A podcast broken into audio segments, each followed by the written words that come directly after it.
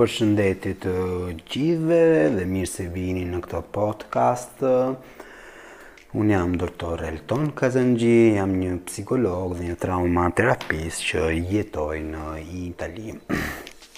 Gjatë këtyre epizodeve ose në këtë podcast dhe në shumë podcaste të tjera, Do ju kërkoj të ju flas pak mbi psikoterapinë dhe mbi teknikat psikologjike që çdokush prej jush mund të mësojë.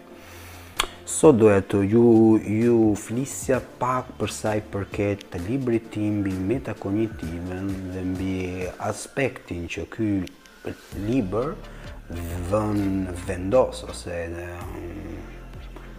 me një fjalë vë në dukje. Si aspekti më i rëndësishëm i këtij libri ose kësaj terapia apo kësaj qasje është që ajo ndryshon nga gjithë qasjet e tjera që kemi parë deri më sot për sa i përket atyre qasjeve si SBT-ja, ose terapia racionale emotive. Kjo pse?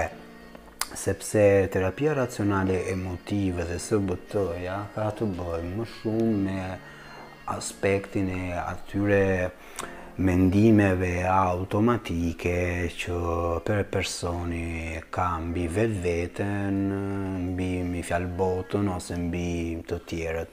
Kurse terapia metakognitive, Roli i saj është fokusuar më shumë mbi stilet e të menduarit, pra ose ato stile që ne quajmë coping, pra si personi përballon mendimet e tij, si personi përballon botën e tij të brendshme dhe si ai përballon botën e jashtme.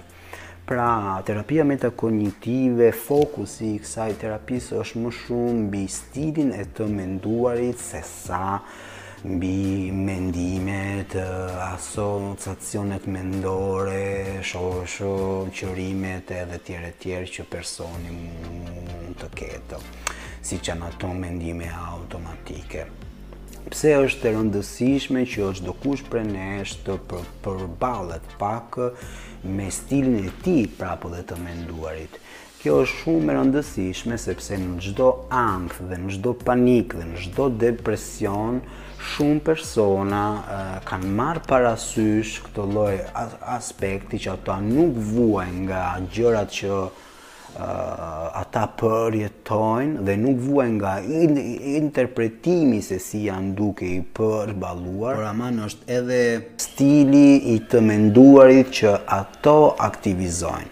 Për shembull, në, në një atak panik, në terapinë meta kognitive, ter terapisti nuk analizon por po vetëm skemën A, B, C, po ai fokusohet dhe më shumë mbi mbi stilin meta kognitiv se çfarë çfarë është duke bërë personi me mendimet e tij. Pra si ai përballon mendimet e tij dhe ku me të vërtetë ai e adreson vëmendjen e tij, sepse mbi një atak panik personi sigurisht vëmendjen e tij nuk e adreson tek mendimet, po e adreson më shumë tek simptomat, tek simptomat që ai është duke ndjerë, tek simptomat, tek simptomat që ai është duke vuajtur. Pra sigurisht që një hap hap i parë i terapisë me meta kognitive ka të bëjë me me atë që Wellsi e quan sindroma kognitive vëmendjes. Pra simbas qasjes që quhet terapia meta kognitive, Kemi të bëjmë me një trajnim të vëmendjes dhe një jo me një an analizim të mendimeve dhe kjo është diferenca parë nga CBT-ja dhe terapia kognitive dhe terapia meta kognitive që kam përshkruar që kam përshkruar pra në librin Terapia Metakognitive.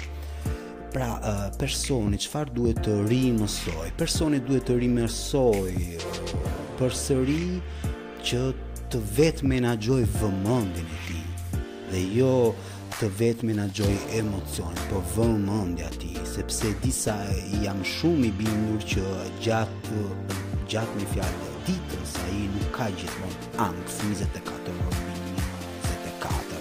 Por ankthi i tij mund mund të ndodhë në disa momente gjatë ditës.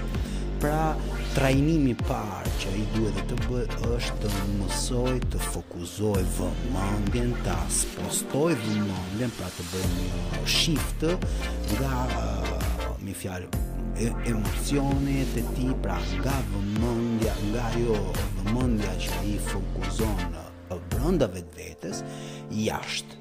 Pra, stimujt mund të jenë makinat që janë duke ecur, muzika, gjurmët e tij mbi terren kur ecën, çdo llo çdo lloj stimuli që ai uh, ka të bëjë që është në kontakt nga bota e tij e, e jashtme. Pra është vëmendje ajo që Në këtë rast në një atak paniku duhet të traj trajnohet. Pra, të terapisti metakognitiv gjënë e parë që që i duhet të mësojë pra pacienti ose personi është që ai duhet të spostojë vëmendjen e tij jashtë.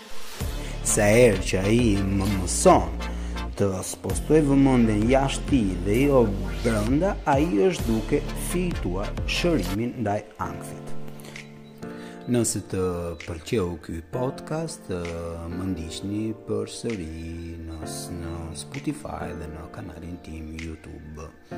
Ciao ciao.